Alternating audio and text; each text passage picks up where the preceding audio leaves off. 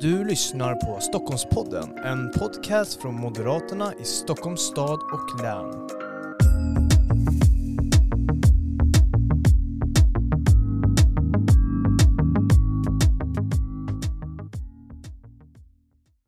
Varmt välkomna till ännu ett avsnitt av Stockholmspodden. Det här är ju podcasten där vi har med våra främsta företrädare från lokal, regional och eh, nationell nivå. Och idag blir det mycket nationell politik. Vi har pratat en hel del om, om kommunal politik eh, förra veckan med Mikael Fröscher och Daniel Dronjak. Men idag har vi med oss ingen mindre än Tobias Billström.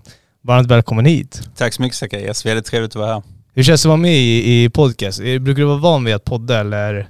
Det har blivit mer på senare år kan man säga. Eh, I takt med att har, formatet har, som man säger, vunnit insteg så är det fler och fler som gör det. Jag tycker det är ett väldigt intressant sätt att, att eh, arbeta på med att sprida budskap och, och också, ska man komma ihåg att poddar genererar också efterföljande debatter och det är ju någonting som vi som är politiskt förtroendevalda är extra intresserade av, eller hur? Att det blir en reaktion på ja, ja, men precis. Eh, vi får se om det här väcker några debatter kanske ute i, i våra lokala föreningar eller Jag kanske vid, vid middagsbordet om man, om man lyssnar på det här i högtalaren hemma. Det vet man ju aldrig. Nej. Det får vi se. Ni får gärna återkomma med det om det, är några roliga debatter. För vi ska ju ändå prata någonting som, som ger utrymme för debatt kan man ju säga. Eh, liksom vi ska prata mycket framåtsyftande, vi ska prata om saker vi inte vet kan man ju nästan säga. Vi ska eh, spekulera lite i det framtida kanske politiska läget, spelplanen, valet 2022. Eh, men innan vi går in på det så tänkte jag att vi ändå ska, vi ska väl kanske prata lite om gårdagens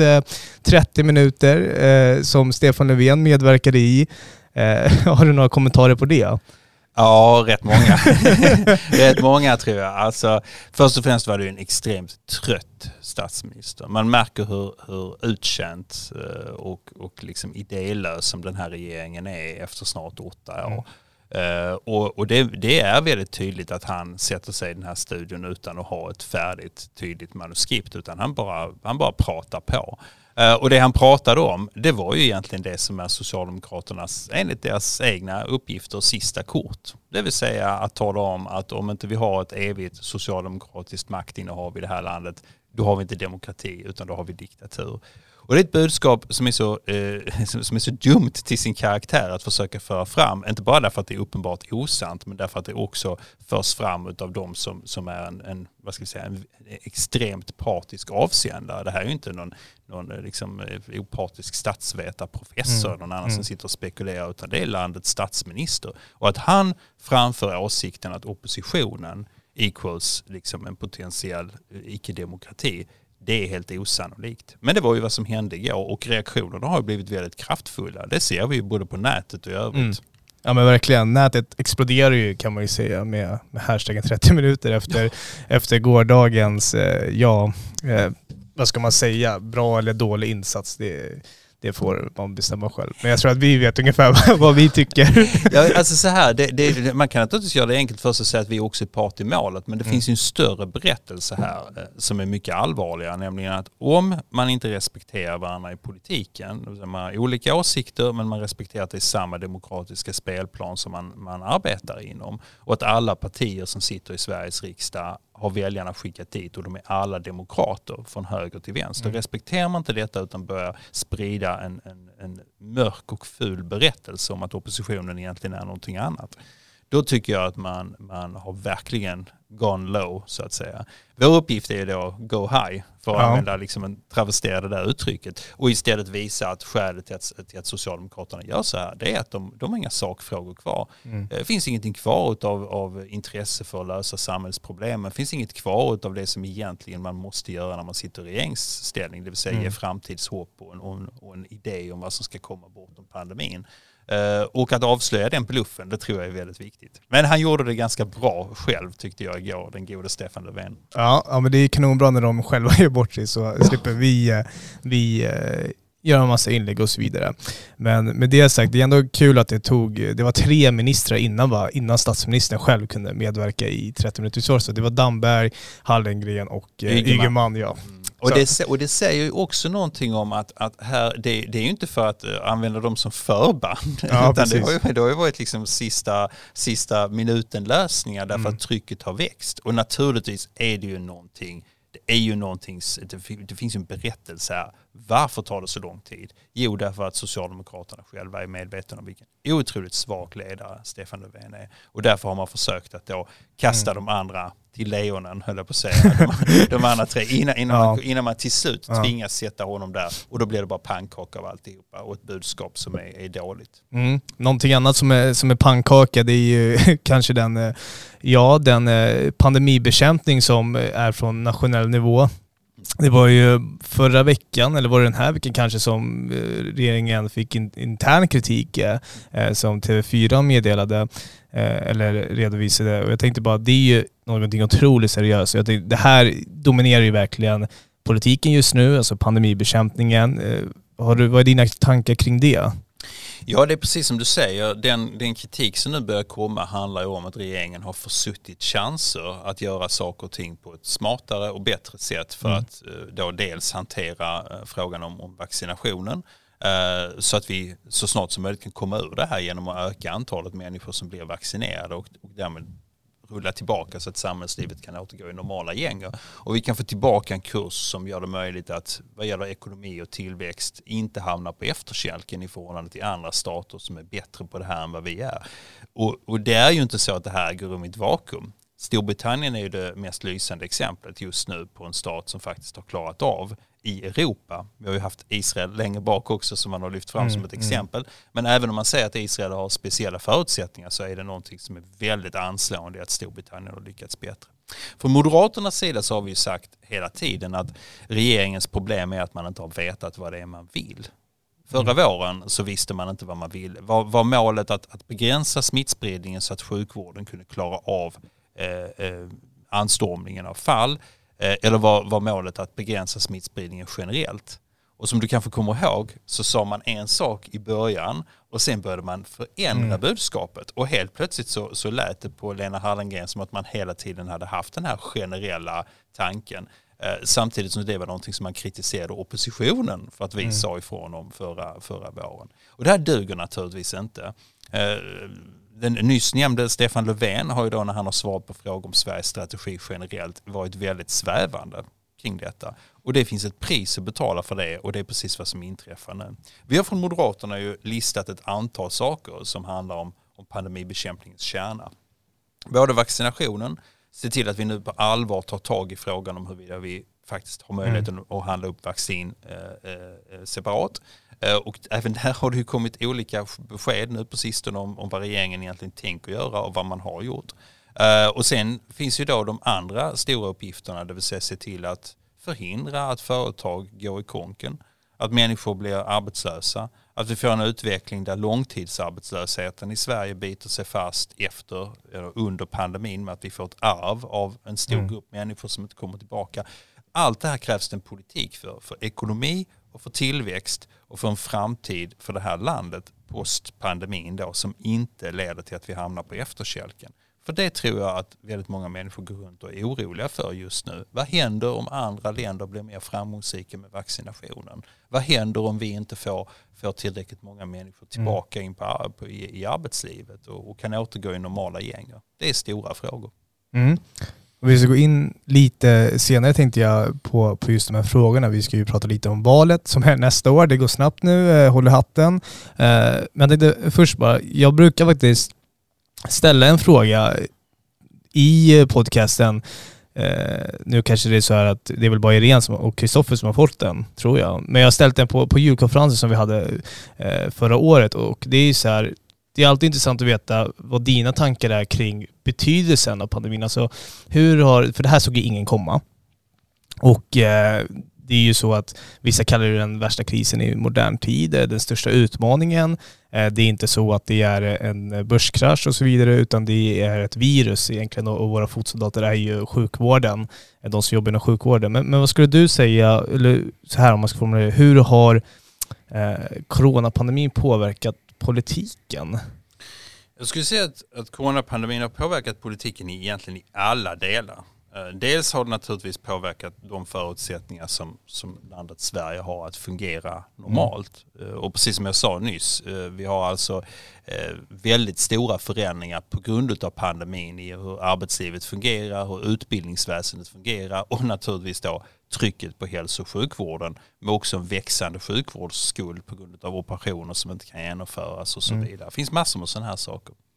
Men sen finns det ju en sak till som är viktig att komma ihåg. Pandemin har också lagt ett lock över många andra frågor som innan det här utbrottet förra våren var väldigt stora. De frågorna har ju inte försvunnit. Vi har fortfarande precis samma typ av problem på områden som handlar om lag och ordning eller migration. Vi har ett Sverige-rekord i antalet skjutningar. Vi har en 50-procentig ökning sedan regeringen Löfven tillträdde 2014 av skjutningar. Vi har Sverige-rekord i, i risk för rån och sexualbrott. Mm. Det är en ökning med 100 procent. 100 procent mm. i ökning.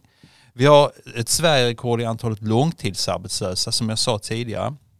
Vi har 180 000 personer som idag bedöms vara eh, långvarigt frånvarande från arbetsmarknaden och det är en växande grupp. Vi har ett EU-rekord i äh, vad heter det, arbetslöshet. Vi har den sämsta utvecklingen inom EU eh, och det är också sedan regeringen Löfven tillträdde trots att Stefan Löfven tillträdde med budskapet att det skulle bli precis tvärtom. Att vi skulle få Europas lägsta arbetslöshet. Det minns vi. Ja. Och slutligen så har vi också Sverige-rekord i brustna klimatmål. Den här regeringen pratar väldigt mycket om hur viktigt det är med klimatet men det är just prat. Man har alltså inte uppnått ett enda utav de mål eh, som har ställt upp för, för klimatbekämpningen eh, utav, av klimatkrisen mm. eh, bortom 2020. Alla de här frågorna finns kvar. Den dagen då pandemin är borta är alla de här frågorna kvar. Och det är därför som jag menar att vår uppgift som parti är att förbereda oss för en valrörelse nästa år som visserligen naturligtvis kommer att handla om pandemin och dess effekter men lika mycket om de här frågorna som jag precis listade mm. som, som kommer att studsa tillbaka och, eh, och, och som ju redan finns där men att mm. massmedia är fylld av rapportering om de här grejerna. Det är bara det att pandemin har, har så att säga tagit över på en mm. makronivå. Precis, då, sakfrågan har egentligen hamnat lite i skuggan ja. i och med att bekämpa den här krisen. Eh, jag tänkte att vi ska lämna det aktuella politiska läget. Man kan ju lätt fastna i det här med pandemihanteringen, dess effekter, eh, åsikter om Folkhälsomyndigheten, eh, regeringens krisstrategi och så vidare. Men jag tänkte att vi ska gå in lite på det här, den nya politiska spelplanen. För det har ju ändå ändrats en del sedan valet 2018. Jag tänker på Jöken eh, och eh, ja, inte bara för att prata om Liberalerna för några veckor sedan, någon vecka sedan var det va till och med, eh, som gick ut och sa, eller Nyamko Sabuni gick ut och sa att de vill ha en borgerlig regering efter valet 2022. Det är ju inte klart, de ska ju rösta om det på deras landsmöte nästa helg va? Är 28. Precis. Så det är ju inte klart, men det är ändå ett steg i rätt riktning hoppas vi då för Liberalerna. Men jag tänkte bara, hur skulle du se att rollen som oppositionsparti har förändrats sedan valet 2018? För Jöken hände, massa annat hände. Va, vad säger du? Ja, först och främst, det här är ju en mandatperiod som inte liknar någonting annat kan man ju säga. Eh, jag har suttit i riksdagen sedan 2002 eh, jag kom in efter ett val som eh, eh, var så bra för vårt parti.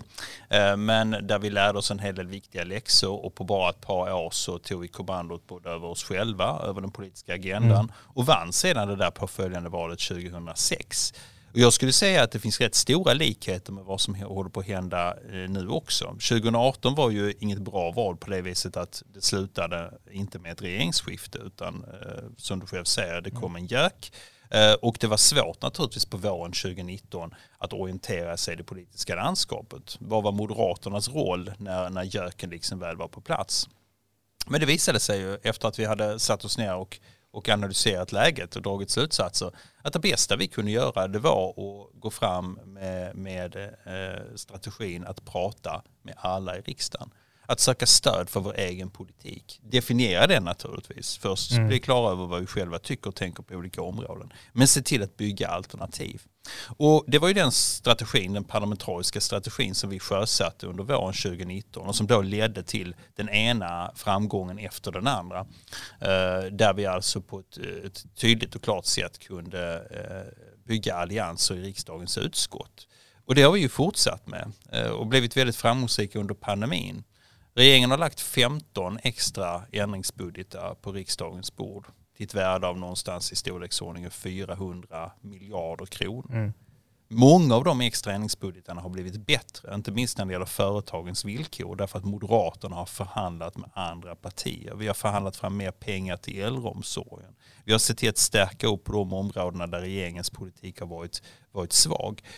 Och därför så har ju rollen som oppositionsparti och till och med det ledande oppositionspartiet mm. under senare delen av den här mandatperioden förstärkts vi har, vi har lyckats axla det ansvaret och har därmed också visat att vi är regeringsdugliga. Därför att oavsett vad som händer i valet 2022 så kommer eh, landskapet efter det valet att se ungefär likadant ut. Det kommer att vara många partier i riksdagen och det kommer att vara partier i regeringskansliet som måste, och i regeringsställning då, mm. som, som måste förhandla.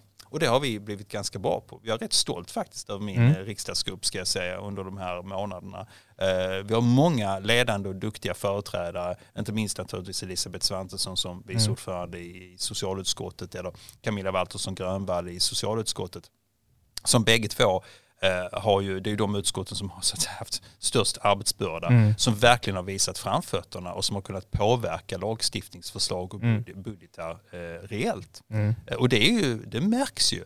Därför att väljarna noterar ju när Moderaterna gör bra saker. När Moderaterna säger att den här pandemilagen måste skrivas om. Den här extra ändringsbudgeten kan inte utformas på det här viset. Det här stödet måste komma snabbare eller måste utformas på ett annat sätt. Mm. Vi hade inte haft de opinionssiffrorna som vi har idag om det inte hade varit för att våra ledande företrädare från Ulf Kristersson och neråt hade levererat mm. eh, i sakpolitiska frågor. Inte i det politiska spelet. Mm. För det här är inget spel. Det här är en fråga om att skapa reella majoriteter i riksdagen. Det är inget spel utan det är liksom antingen har du en idé om vad du, vad du tycker är, är, är mm. bra, vad du vill förverkliga, eller också har du det inte. Vi har haft många bra mm. idéer.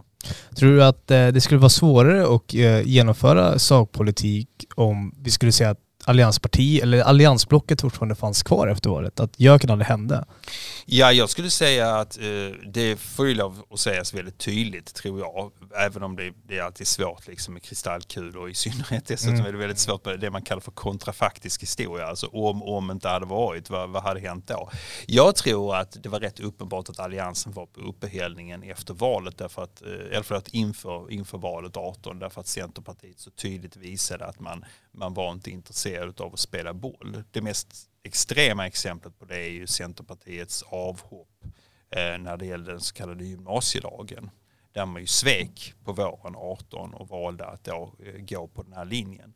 Eh, och det fanns ett pris att betala eh, för oss som parti att Centern gjorde på det viset. Eh, och jag tror att det var egentligen där som så att säga alliansens slutgiltiga mm. dom beseglades på något vis. Det, det visade sig att vi, vi, vi hade inte liksom den den gemenskapen. Sen betyder inte detta att Centerpartiet är ett parti som inte Moderaterna ändå kan hitta gemensamma lösningar i andra frågor kring. Men idén att vi så att säga skulle vara så sammansvetsade som vi var för, för eh, 2014, alltså i regeringsställningen, den, den tyckte jag fick en extrem knäck den här våren 18.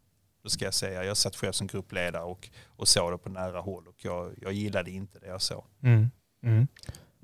Men nu är det nya tider tänkte jag nästan säga. Eh, det är ju gått ett tag sedan dess, sedan JÖKen, eh, eh, överenskommelsen hände.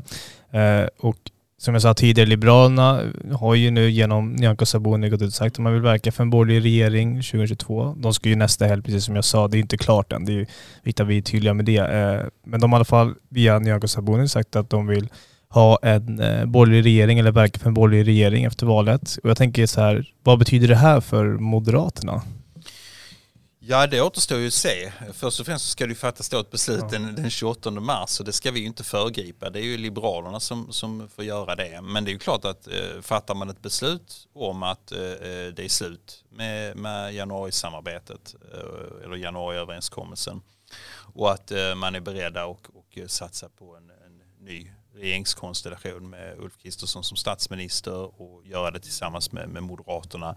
Men då också söka ett parlamentariskt stöd i, i kammaren för mm. budgetar, inte bara för statsministeromröstningen utan också för budgetar och för, för vad heter det, andra lagstiftningsförslag. Då är det ett stort steg framåt för oss som parti för svara på frågan liksom rakt, rakt av. Mm. Mm. Om det inte är så, då tror jag att det blir tuffare för, för Liberalerna eh, att klara sig igenom fram till 2022. Därför att de har ju själva noterat att deras väljare vill inte ha Stefan Löfven som statsminister. De röstade inte på Liberalerna 2018 för att få Stefan Löfven tillbaka som statsminister. Jag pratade själv med, med människor faktiskt i omedelbar anslutning, mm. vanliga väljare som jag träffade, vänner till, till barnen som stod i köket liksom och sa, ja, men jag, jag jag röstade på Liberalerna i valet men jag röstade inte liksom för att fortsätta med, jag vill ju, jag vill ju ha ett regeringsskifte. Mm, Sen vill jag ha en stark komponent där, där Liberalernas åsiktsflora mm. skulle få ett genomslag i en kommande regering. Det var det jag röstade på. Uh, men jag vill inte ha det på det här viset. Och den besvikelsen, det är ju den som återspeglas i opinionssiffrorna. De, de har inte uppstått genom magi utan det, det, finns ju en, en, naturlig bakgrund till att människor underkänner Liberalernas medverkan i, i januari-överenskommelsen. Mm. Ja, det, det, är mycket intressant. Det är ju mycket som händer. Det är ju valet innan, eh, eller året innan valåret ska jag säga, inte valet innan valåret, men det är året innan valåret. Jag tänkte bara, hur viktigt är det här året för en lyckad valrörelse, skulle du säga? Helt avgörande. Det kan jag säga liksom ja. rakt av så. Det här är det året då vi eh, gör hela det grundarbete som behövs för att kunna gå in och sätta oss i regeringskansliet efter valet med fräscha genomtänkta eh, sakpolitiska idéer eh, och förslag. Det här är det året då vi planerar och drar upp riktlinjer och också genomför då de här förslagen som vi redan har pratat mm. om i riksdagens utskott där vi visar för väljarna hur man bygger majoriteter. Det här är, det här är ett jätteviktigt år. Eh, och det är ett år som är viktigt av ett annat skäl också, nämligen att det handlar om att visa i, i praktisk gärning inför väljarna att det finns en regeringsduglighet på vår sida. Eh, och därför lägger vi ner mycket tid och kraft både på det inre arbetet med att, att förbereda oss men också då på att utåt ta de initiativen mm. som behövs för att, att, till exempel pandemibekämpning som vi pratade om tidigare ska fungera bättre. Mm. Eller de förslag som behöver läggas när, när det handlar om ekonomi och arbetsmarknad. Eller lag och ordning och migration. Mm. Eh, så det, det, det, 2021 är alltså lika viktigt som 2022. Och ska jag vara helt ärlig så var faktiskt 2020 viktigt det också. därför, att, därför, att, därför att vi har ju hållit på med det här förberedelsearbetet. Det började vi ju inte med igår. Mm. Alltså vi, vi har startat de här interna reformprojekten för att ta fram ny politik. Det, det är vissa av dem som till exempel integrationskommissionen som ju Ulf eh, Ulf eh, har suttit som ordförande i går ju ännu längre tillbaka till 2019 mm. för det är ju det området det. där vi upplever att vi måste lägga ner jättemycket tid för att få det här att eh, och eh, fungera. Så vi är, vi är på G, det kan man på säga. På G, ni börjar bli redo för att ta över regeringsmakten senast 2022 skulle man säga. Precis. Jag tänkte, nu när vi är, inne, vi är ändå inne på valet, det kommande valet 2022 och jag har ändå funderat en del liksom, vilka frågor kommer dominera valet. Man, in, inför varje val så brukar man ändå ha nästan en klar bild för att det här är liksom de frågorna som kommer dominera. Det är lag och ordning på agendan, eh, mycket skjutningar, det kommer dominera. Eh, och det skulle man nästan kunna säga skulle vara inför valet 2022. Men sen kom ju den här oväntade pandemin eh, och vände allting upp och ner. Och den är inte slut än. Det är ju tredje vågen nu, eller på G till en tredje våg. Så Eh, men jag tänkte så här, tror du att pandemihanteringen eller pandemiåterhämtningen kommer dominera eh, valet 2022 eller, eller kommer det vara de här vanliga klassiska, det är lag och ordning, det är eh, skolpolitik, det är ekonomi eller? Eh, det här är ju en fråga där eh, man måste plocka fram sin kristallkula. Ja. Och jag, jag, är inte säker liksom jag knackar liksom så här lite. Man får spekulera lite. Precis, jag, jag knackar lite metaforiskt på det men jag är inte säker på att bilden, bilden klarnar. Nej, men jag, jag tror att det finns alla utsikter till att pandemibekämpningen eh, kommer att bli en väldigt stor fråga. Eh, som jag sa tidigare, jag minns eh, tsunamifrågan eller så att säga frågan om, om regeringens, eh, regeringen Göran Perssons hantering eller icke-hantering av, av tsunamin 2005. Vad det fick för konsekvenser när det gäller regeringsdugligheten. Det finns naturligtvis massor av saker som skiljer den här enskilda händelsen från pandemin och det var dessutom eh, jag menar pandemin har en sån enormt genomgripande effekt mm. på hela samhället så det går inte att jämföra. Men det är klart att, att eh, arvet ifrån den här misslyckade krishanteringen spillde över på valrörelsen därför att väljarna hade inte längre uppfattningen att, att Socialdemokraterna levererade. Mm. Och det tror jag däremot är någonting som vi måste bära med oss. En regering som inte klarar av att leda landet genom en kris framgångsrikt, komma ut på andra sidan och sen starta återuppbyggnadsarbetet och ha en plan för det. Det är en regering som har, har uh, stora problem. Och där kommer också frågan om framtiden in. Alltså du vinner aldrig några val på det du har gjort. Du vinner mm. val på det mm. som du faktiskt talar om för medborgarna att du tänker göra i framtiden. Och där tror jag att Moderaterna idag betraktas, det är också en av anledningarna till att vi har så kraftfullt förbättrade opinionssiffror. Att Moderaterna uppfattas som inte bara ett realistiskt alternativ utan det mest realistiska alternativet till det ledande, nästa ledande regeringsparti. Så ja, jag tror absolut att det är så att pandemibekämpning kommer att spela roll. Men det kommer inte vara det enda kortet i, i leken. Det kommer att finnas alla de andra korten också. För vad är det vi menar med pandemibekämpningen? Det är ju inte bara vaccinationsfrågan, den, den är viktig, men det är också frågan om, om företagsstöd, eh, om arbetslöshet och sedan också alla de andra frågorna om, om tillväxten. Hur, vad ska vi göra med infrastrukturfrågor? Mm. Eh, hur ska vi se på elektrifieringen till exempel? Hur kommer resemönstren som nu har ändrats ganska mycket under, mm. under, under pandemin, hur kommer det att spela in? Här finns massor med frågor som väljarna kommer att söka svar på. Och om vi är det partiet som är bäst på att leverera de här svaren på lokal, på regional och på nationell nivå, då kommer det gå bra för oss i valet. Mm. Det var ett bra svar eh, Tobias, det, det, tycker jag. Det lät lite som i början på det att du, du vågade nästan inte, men det, jag tycker det är ett enormt bra svar. Eh, och det, det ska vi verkligen ta med oss nu när man, jag tänker på er som jobbar i era lokala föreningar, det som Tobias faktiskt säger här eh, och kanske försöka profilera det lite lokalt. Du, du är inne lite på tillväxt till exempel och tillväxt lokalt, inne på eh, företag, småföretag i sina egna kommuner och så vidare. Att försöka profilera eh, politiken lokalt också, det är väldigt viktigt. Absolut så är det och jag menar vi sitter ju mitt uppe i, vi sitter och gör den här podden i Stockholm. Mm. Stockholm är, är, är, Sveriges absolut viktigaste tillväxtmotor. Om, om Stockholm börjar hacka ekonomiskt eh, på allvar, då kommer hela det här landet att få problem. Så mm. är det och det, det, det, måste alla vara medvetna om. Jag tror inte det finns någon riksdagsledamot med självaktning i något parti. Det borde inte vara så i alla fall. som, som säger att okej, okay, men, men om vi inte gör de här, de här åtgärderna för att få, för att få ekonomin i, mm. i de tre stora städerna och främst bland dem eh, eh, Stockholm, då, mm. då, då, då får vi liksom inte den eh, samlade tillväxten som behövs för att finansiera välfärden och finansiera mm. det som, som behövs i det här landet för mm. att vi ska ligga på topp och vara bland de, de, de rikaste och mest framgångsrika länderna i världen. Mm, precis. Vi har ju som mål här i Stockholmsregionen att vi ska vara Europas främsta tillväxtregion. Så det binder ju rätt så bra med det här om att vi måste få igång tillväxten, återstarten efter pandemin. Eh, och jag håller helt med dig. Jag, jag, tror absolut att det här kommer vara en fråga som kommer du ska, jag spekulerar såklart också bara, men, men som kommer dominera valet eh, lite så. Men sen även de ökade skjutningarna, det, det ökade dödliga våldet och så vidare. Det kommer jag självklart också.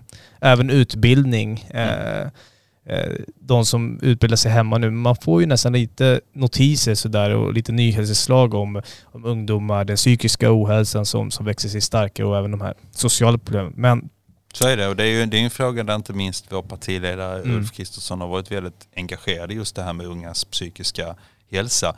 Och jag tror precis som du eh, att det här är en fråga där det, det kommer att krävas väldigt mycket efterarbete mm. för att du inte ska ha en stor grupp unga som kanske fastnar eh, i en situation där mycket av det sociala livet, eh, mycket av det man har vant sig vid, det vill säga kompisumgäng och annat, det har flyttat in på nätet men det man var van vid, träffas, ha kul ihop, alla föreningsaktiviteter, mm. sportgrejer, alla sådana här saker har liksom faded out. Det har liksom försvunnit bort i, i en dimma. Och det är någonting som inte är bra för många ungdomar. Det behöver inte ens vara ungdomar som från början hade det tufft. De, de får ju naturligtvis mm. en påfyllning men gruppen är så oändligt mycket större. För då pratar vi om jättestora segment som har fått inskränkningar i sin sociala eh, verklighet. Och det måste vi som moderater också fundera över hur man ska kunna bistå den gruppen med insatser som gör att man i tid upptäcker suicidalt beteende, det värsta av allt.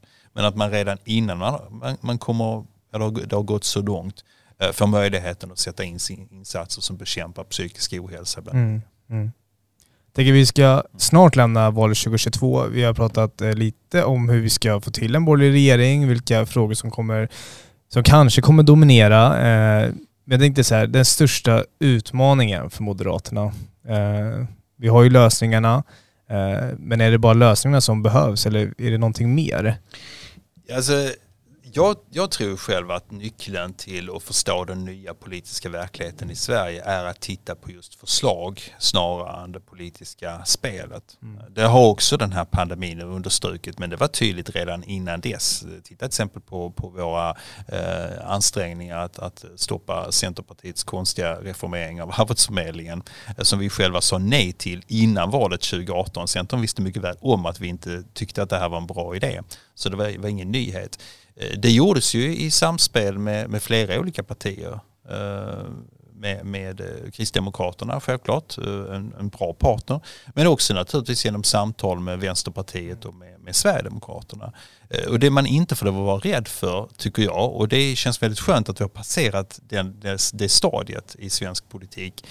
Det man inte får vara rädd för det är att sätta sig ner och granska förslag, politiska förslag och säga okej, okay, vi tycker olika på ett antal punkter. Vi kan ha skilda ideologier eh, och vi kan ha väldigt mycket som inte är, är gemensamt tankegods. Men på just de här och de här punkterna tycker vi lika om hur förslagen ska, ska kalibreras eller hur de ska läggas upp och så vidare. Låt oss då gemensamt sätta oss ner och se om vi kan hitta eh, eh, en gemensam uppfattning i riksdagsarbetet och lägga fram de här förslagen för landets bästa. Och det är nyckeln till eh, Moderaternas framgångar hittills och det kommer vara nyckeln till Moderaternas framgångar hela vägen fram till den 11 september 2022, det vill säga valdagen.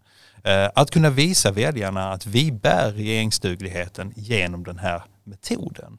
Vi visar att när det, när det är ett osäkert parlamentariskt landskap så är det sakfrågorna som avgör. Väljarnas intresse av att få samhällsproblemen lösta.